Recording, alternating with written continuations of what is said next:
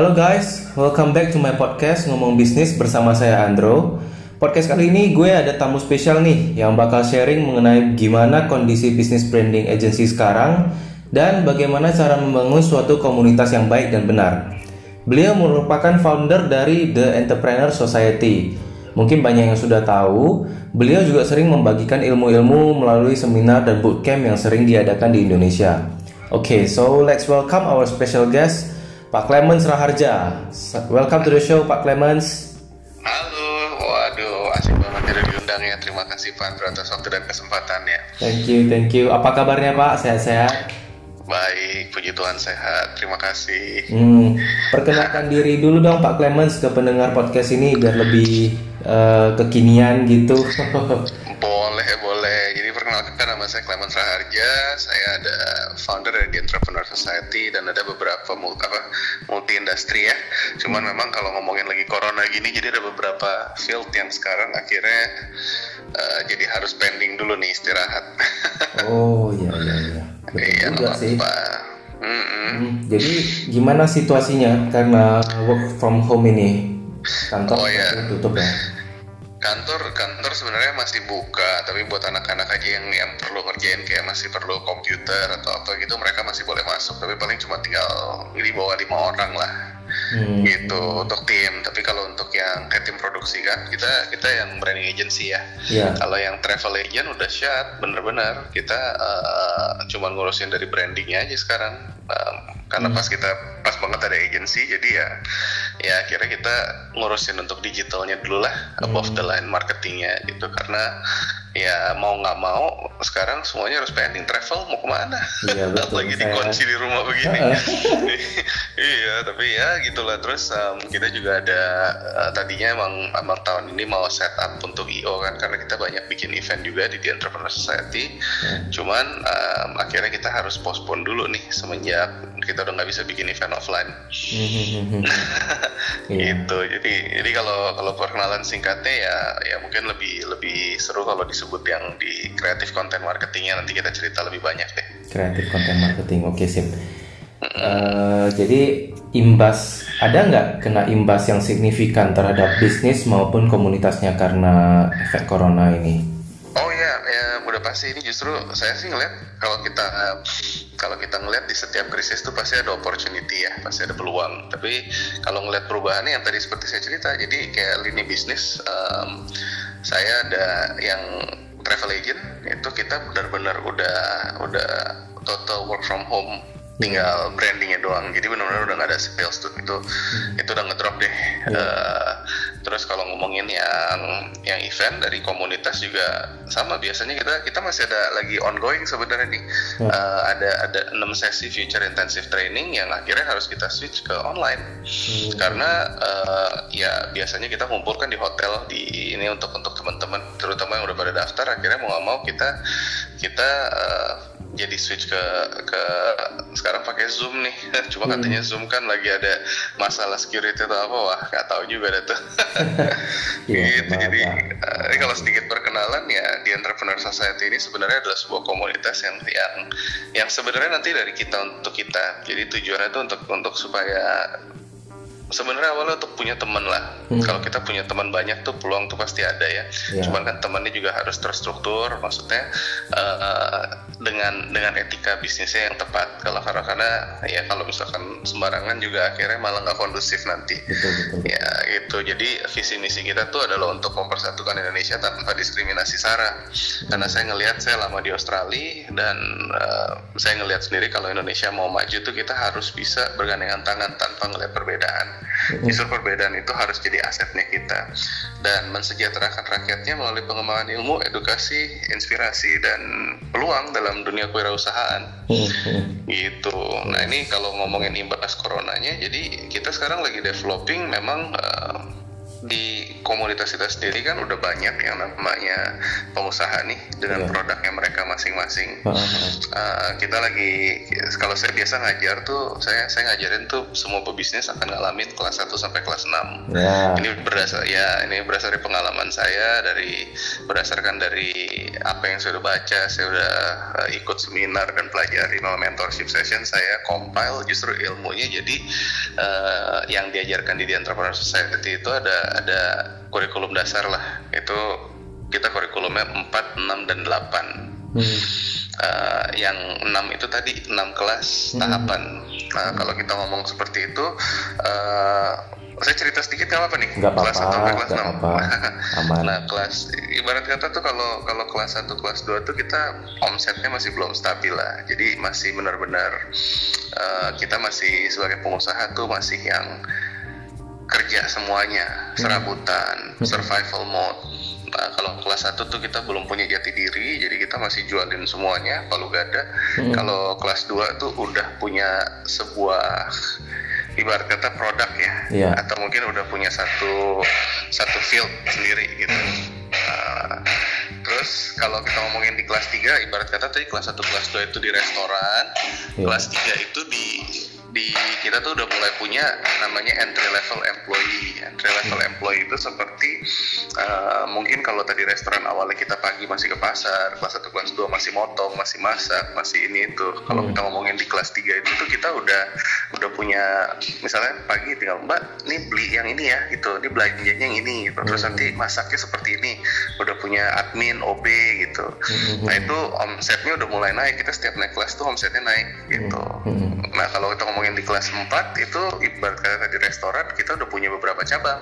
Hmm. Jadi kita udah punya middle level management okay. sama uh, udah mulai terstruktur, udah ngomongin tentang tentang leadership, tentang training, tentang SOP gitu kan. Hmm. Kalau ngomongin kelas 5 kita tuh punya yang namanya uh, upper level management ya. Jadi mungkin posisi kita tadi kan sebagai area manager mm-hmm. itu kita harus bisa digantikan sama tim itu istilahnya okay. supaya bisa automated Okay. Nah, kelas 5, kelas 6 itu kita lebih ngomongin valuasi, lebih ngomongin tentang invest, apa, investor, gimana caranya kita bisa exit dari bisnisnya. Apakah kita mau franchise, apakah kita mau um, mungkin IPO atau kita mungkin mau merger, akuisisi dan sebagainya itu secara cara exit gitu. Hmm. Nah kalau kalau yang sekarang karena imbas corona ini tadi kembali ke topik yang yang ditanyakan. Itu kita sekarang lagi fokus untuk ngebantu member-membernya karena kan sekarang banyak penjualannya turun nih. Yeah. yang punya produk apa pun tuh pasti itu ya mungkin ada beberapa industri yang yang malah mungkin bersinar ya tapi itu kan tadi kalau iya.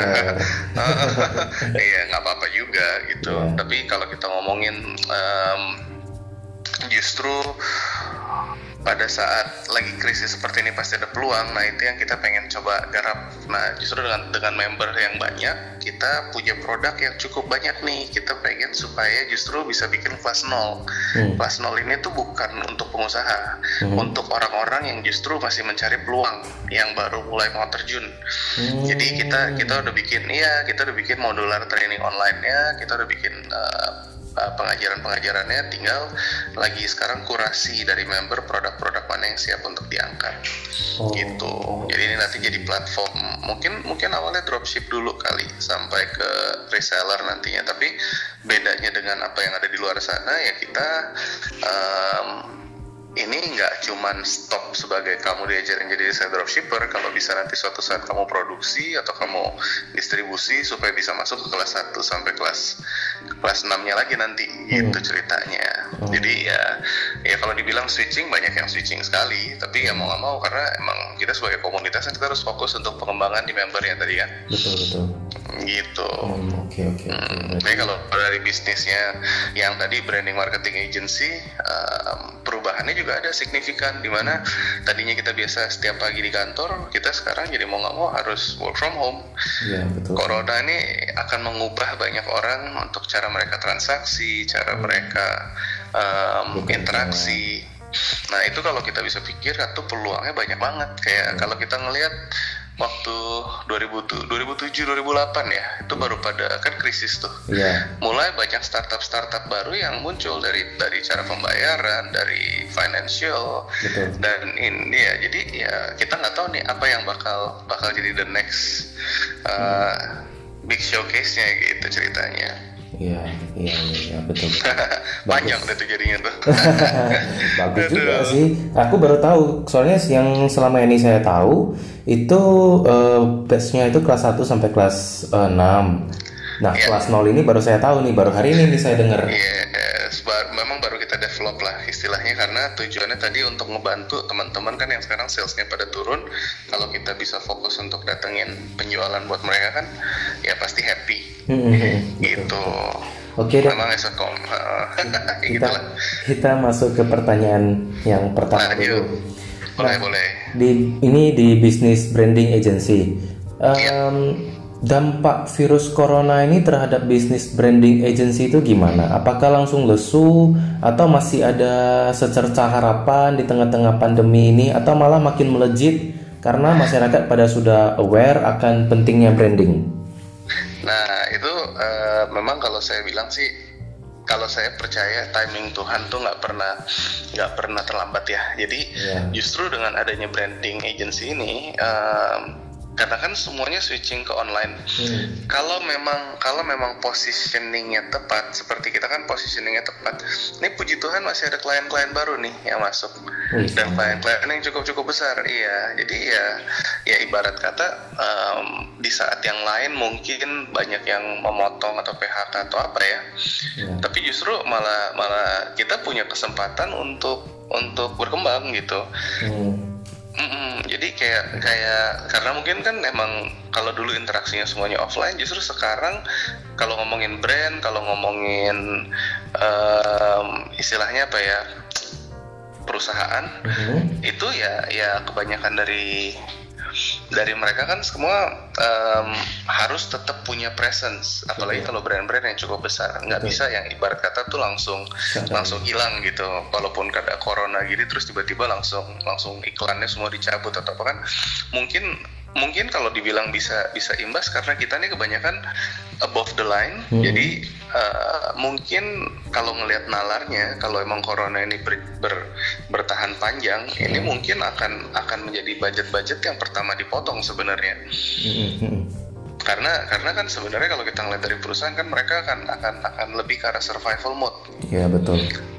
gimana cara tahan ya tapi ya saat ini kita kita benar-benar bersyukur aja sih Hmm, berserah juga mau ngomong apa kalau nggak kan Iya sih, Gitu. ya kita semua lah, semua bisnis juga semua ya berserah aja. Cuma kita bisa melakukan apa yang terbaik ya kita lakukan aja. betul betul emang banyak banyak. Kalau kata kita sering ngadain uh, sesi-sesi online juga kan untuk untuk curhat bisnis. Dan saya juga kemarin sempat sempat posting saya bilang kalau misalkan di Instagramnya saya. Nanti buat teman-teman yang mau dengerin atau mau mau follow boleh nih ya. Aku sebutin Instagramnya ya. Boleh, aja. Iya, Clemens Raharja. Terus nanti Entrepreneur Society.co ikutin aja tuh. Kita kita banyak adain eh, ibarat kata kongko online sekarang. Iya, Jadi untuk kongko. iya Mm, untuk ngebahas em, kayak imbas corona terus peluang-peluang apa nih yang bisa dikerjain justru gitu. Oke. Karena ya kita kita kalau sendirian pasti akan berat apalagi stres. Jadi kalau kita punya teman-teman yang bisa kita percaya yang yang tulus ya untuk berkembang Mm-mm. pasti pasti kita bisa temukan nanti peluang-peluang lagi gitu. Siap, bagus. Oke. Oke. Eh, pertanyaan kedua, lebih bagus mana personal branding dulu atau company branding dulu and why? Oke, Eh, kalau saya selalu ngajar branding itu ada tiga, itu ada tiga P, Hmm. personal, produk, sama perusahaan. Oke. Tergantung kebutuhannya. Kalau industrinya itu, contoh kita ngomong properti, properti itu mungkin nggak terlalu perlu yang namanya personal branding, tapi perlu perusahaan sama produknya. Betul. Mungkin kayak kita sebut contoh kayak developernya, nama developernya eh, seperti apa, terus sama produknya, komplek perumahannya, nama kompleknya seperti apa begitu. Iya. Karena eh, kalau misalkan kita ngomongin personal branding, ya mungkin nggak terlalu perlu gitu. Mm. Nah, kalau untuk industri lain, misalkan kita ngomong contoh eh, banyak nih sekarang yang yang yang perlu disebut personal branding kayak influencer-influencer. Justru kalau kalau personal brandingnya kuat, itu mereka Hmm. Kalau kalau personal brandingnya kuat, itu justru uh, malah mendatangkan pasar. Yeah. Contoh seperti sorry dari potong contoh seperti um, kalau kita sebutnya banyak ya mungkin apa ya influencer-influencer selebgram akhirnya mereka bisa nanti jualan produk betul betul memang Hmm, tinggal tergantung industrinya tepatnya yang mana. Nah itu biasanya saya kalau kita kita lagi ada bootcamp atau apa gitu ya, hmm. saya suka tanyain sama sama anak-anak gitu, e, kamu industrinya apa, bisnisnya apa?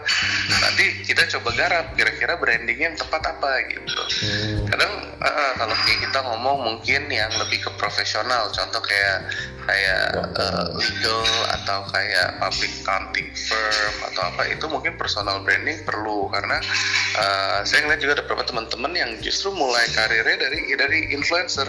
Hmm. ada beberapa teman-teman financial planner juga uh, itu kayak ada salah satu klien kita juga itu dia bikin namanya Ferry Darmawan. Itu dia personal brandingnya dikuatin terus ada Andika Diskartes itu juga personal branding ini Instagramnya bisa kalian follow. Hmm. lihat ini mereka bikin konten dan dari situ banyak yang follow akhirnya justru menimbulkan yang namanya trust atau uh, kepercayaan, ya, kepercayaan. Gitu. Hmm. Kalau travel agency gitu berarti juga personal branding dulu. Travel agency kita lebih ke arah perusahaan, perusahaan. sama produk. Perusahaan Betul. sama produk. Hmm. Tapi ya mungkin karena kalau dibilang personal brandingnya jadi mungkin kenanya ke saya kali. Karena saya iya. Yeah, yeah, jadi ya nggak apa-apa juga. Uh, cuman memang tadinya kenapa saya akuisisi travel agent itu tujuannya dari IO kita pengen supaya kan kita udah ada branding agency yang above the line nih mm-hmm. yang yang kreatif konten marketing sosial media. Nah kita tuh pengen ada aktivasi. Aktivasinya itu itu nanti yang offline ya seperti event. Nah kalau kita ngomong setiap perusahaan kan pasti akan perlu tuh. Mm. contoh kalau kita ngomong peluang di era corona seperti ini yeah. buat yang pada bikin mas masker, yang pada bikin APD itu kan bisa ada brandingnya. Betul. Nah, itu itu buat yang produksi bisa jadi sebuah peluang. Jadi kayak teman-teman di di yang Tanah Abang nih yang lagi pada slow banget itu ya ya mulai mereka ngerjain hal, -hal seperti ini. Mm-hmm. Banyak demandnya karena setiap perusahaan kan harus membagikan APD buat staff-staffnya kan, termasuk Betul. kita juga. Betul. gitu. Oke oke oke. Udah, udah dapet nih kira-kiranya. Iya kita masuk next question. Uh, Kita masuk yeah. next question, membahas okay, mengenai okay. komunitas The Entrepreneur Society nih. Gimana yes. sih awal mula Pak Clemens bisa kepikiran mau ngebangun komunitas seperti ini? Membernya nah, sekarang udah berapa banyak sih? Sekarang sih yang terdaftar sekitar 500-an ya. Memang kita kan belum launching juga dan hmm. ini tersebar di Medan, ada Panro contohnya. Yeah. ada yeah. ada ada teman-teman dari ya kebanyakan di Jakarta, Surabaya, Bali sih memang. Yeah. Um, kenapa saya ciptakan ini? Ini sebenarnya sebenarnya kalau mau dibilang salah satu um, model bisnis yang yang yang baru di Indonesia dan dan baru lima tahun terakhir ini mungkin orang-orang pada mulai kenal karena apa? Saya udah ngerjain ini dari 2000 2004 mungkin. Oh. Karena pengalaman hidup saya dulu waktu saya harus ngerantau di Australia itu benar-benar kan dolar naiknya gila-gilaan tuh 2003 2004 kalau yeah. kalau pada ingat. Mm-hmm. Nah, itu ya saya harus harus harus bisa ikut support juga papa mama udah biayain kuliah kan. Mm. Uh, masa saya mau mau senang-senang habis-habisin duit. Jadi saya ikut udah pertama mulai nyari kerja, terus nyari peluang. Nah, peluang itu muncul karena saya banyak volunteer bikin komunitas di anak rantau. Mm gitu jadi singkat cerita uh, dulu target market saya itu semua anak rantau mm-hmm. jadi untuk untuk gimana caranya ngebuat mereka hidupnya nggak sesulit saya untuk transisi dan adaptasi pada saat baru pindah ke sana mm-hmm. jadi dari kos-kosan dari transport dari informasi edukasi dari tempat temen itu semua kita provide di komunitas nah ke, kenapa saya bangun di entrepreneur society ini ya dulu saya mulai semua ngerintis di sana tuh dari nol mm-hmm. anak rantau cuman uh, saya bisa karena kita disebutnya community marketing. Hmm. Nah, kalau kita punya komunitas yang kuat, sebenarnya kita bisa kerjasama dengan banyak orang. Hmm. Okay. Gitu kan, kan saya selalu ajarkan untuk um, coba berteman dengan siapa pun, kapan pun dan di mana pun gitu ceritanya. Hmm. Jadi ya, ya singkat cerita, um, pas saya balik ke Indonesia saya balik ke Indonesia ini karena papa mama kan kangen ya udah belasan tahun di luar juga. Dia Hmm. bilang udahlah pulang. Papa papa bilang kangen kangen gitu ya udah. Tapi kalau di sini saya mau mulai apa nih? Mau ngerintis ulang lagi kan? Iya, Nah, akhirnya saya saya pikir udahlah kita coba copy paste nanti kita pasti bisa lihat ada ada peluang-peluang apa yang bisa kita kerjakan dan dan terbukti gitu loh. Justru beberapa bisnis yang saya setup ini justru sama teman-teman yang kita ketemu. Ada yang saya mentorin personal ada yang ada yang justru jadi teman dekat gitu ceritanya Hmm. Udah berapa banyak bisnis yang dibimbing sama Pak Clement sampai berhasil gitu?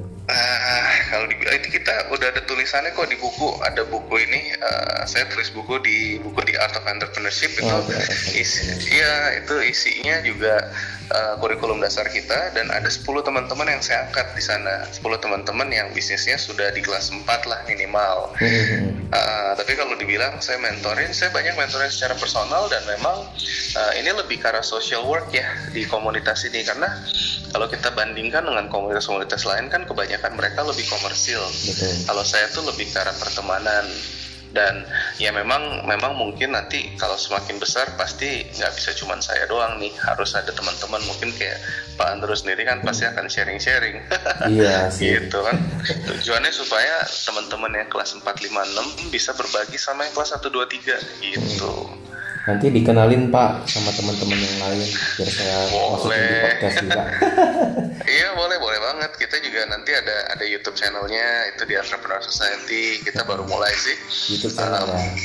untuk bantu ngangkat teman-teman aja teman-teman komunitas Hmm, gitu Bagus bagus bagus. Mm-mm. jadi ya apa yang bisa kita lakukan lah untuk saling support kan Mm-mm. justru dari kita untuk kita semakin besar komunitasnya semakin besar lah peluang-peluang yang bisa kita kerjakan bersama nanti ke depannya gitu Mm. makanya saya selalu bilang eh, siapa pun yang setia membangun di Entrepreneur Society pasti namanya akan diingat dan tidak dilupakan begitu Hmm. Jadi gitu ya ceritanya panjang ya Nggak apa-apa. jadi mulainya karena ya ya tadi saya pikir adalah saya di Indonesia juga nggak punya nggak punya banyak teman awal-awal karena kan teman-teman SMA udah pada belasan tahun udah nggak kontak gimana Iya nggak nggak terkontak lagi lah pasti. iya Oke kita lanjut next pertanyaan. Boleh. Em, komunitas ini sebenarnya cocok untuk siapa sih? Sebenarnya tadi udah terjawab untuk entrepreneur dan ada kelas 0 Tapi apakah hanya terfokus bagi eh, orang yang ingin berbisnis atau kalau mahasiswa juga boleh, pegawai juga boleh gitu? Nah, yang yang sebenarnya itu sesuai dengan kelasnya. Kita kita lagi lagi beresin aplikasinya di mana itu nanti akan jadi sebuah sosial media mungkin buat entrepreneur ya. Jadi mungkin mirip LinkedIn tapi dengan kurikulum dasarnya kita di mana nanti eh, teman-teman tuh bisa ngelihat oh oh Pak Andro tuh udah kelas 3, oh udah kelas 4, oh Pak Clemens tuh yang bisnis A tuh kelas 3, kelas 2 gitu. Jadi nyambung ngomongnya. Gimana ah kita bisa kolaborasi di mana nih? Kita bisa eh, apa co-branding mungkin atau apa misalkan seperti itu. Nah, eh, ini open untuk semua, tapi kalau yang kelas 1 sampai kelas 6 udah pasti yang buat pengusaha langsung. Iya. Yang kelas 0-nya terpisah karena topiknya lebih karena mindset, teknik-teknik penjualan gitu kan. Eh, lebih karena untuk orang-orang yang tadi ditanya mungkin untuk eh, profesional yang lagi mau cari tambahan, Hmm. ibu-ibu rumah tangga mungkin gitu Hmm, karena kan platform untuk untuk mencari pendapatan tambahan dari pro, ya peluang usaha bersama di entrepreneur society sih. Tadinya saya berencana tuh kalau kalau nggak ada corona nih, Hmm. ini Juni ini kita mau bikin event kayak expo gitu buat buat buat bantu angkat teman-teman. oh, tapi Cuman ya, ya gitulah karena corona. iya gitu deh. Nggak apa-apa ini ini pasti waktu Tuhan lah. Tuhan Tuhan punya rencana lah. Iya iya. Hmm. Oke, next. Um, goals komunitas yang Pak Clemens buat ini akan dibawa ke mana? Akhirnya ke mana? Apakah go internasional maybe? Oh, saya sih fokusnya mungkin nasional dulu. Yang penting bisa men- menciptakan banyak apa ya, pengusaha muda, sama juga em, bisa membantu mensejahterakan lah. Saya lebih lebih lebih ngarahnya ke grassroots level sih. Kalau kita bisa meningkatkan kesejahteraan bangsa ini secara bersama-sama kan akan lebih lebih enak ya, gitu. Dan dan dan pasti Indonesia akan jauh lebih um, well educated lah ke depannya nanti, begitu. Oke, sip, sip. Wah mantep, mantep, mantep nih insight-insight dari Pak Clemens. Mantap. Baru baru, baru tahu saya ada kelas 0 dan and so on and so on. Iya, baru baru juga kok itu kita lagi develop sekarang. Uh, uh, uh, ini kayaknya kalau setelah corona kita harus ketemu muka nih, tatap muka nih. Boleh dong, boleh banget. Oke, okay. uh, before Oke, we end the lanjut. show, apakah ada pesan-pesan yang mau Pak Clement sampaikan nih kepada pendengar podcast ini? Ah, jadi kalau kalau ngomong lagi tadi topiknya corona, teman-teman jangan patah semangat. Di setiap krisis pasti ada yang naik. Memang eh, kita harus harus harus bisa agile, harus bisa adapt, harus bisa beradaptasi, harus bisa terus lapar dan dan istilahnya mencari peluang, jangan menyerah. Nah, kalau mau ngomong seperti itu, contohnya deh kita ngelihat teman-teman di entrepreneur society dari yang bisnisnya mungkin A, mereka harus transisi ke sementara untuk survive bisa ke bisnis B dulu, misalkan contoh pengadaan APD Hmm. yang tadinya konveksi mereka bikin fashion, mungkin mereka sekarang bikin masker, ada yang ya kayak kita juga sebenarnya saya ada sama teman-teman sini eh, ada pabrik skincare kan. Mm-mm. Nah itu biasanya kita untuk bikin produk yang kita sendiri, tapi eh, kita juga sekarang open untuk untuk white label, untuk maklon. Mm-mm. Terus eh, lucunya lagi kemarin jadi bikin sanitizer. cuman iya, cuman karena karena emang kan belum ada Bepom kita produknya nggak ke situ. Jadi ya kita nggak jual secara umum. Ini khusus untuk untuk awal-awal ngebantuin teman-teman yang butuh aja. Tapi sekarang kita udah nggak produksi lagi karena lagi nunggu sekalian ngurus Bepomnya. Kayaknya sih ini akan masih akan cukup berjalan ya masih ada cukup lama lah gitu loh. Mm, makanya jadi ya kita kita mengarah ke sana. Sih transisi harus harus harus punya apa ya semangat deh. Ya, betul gitu.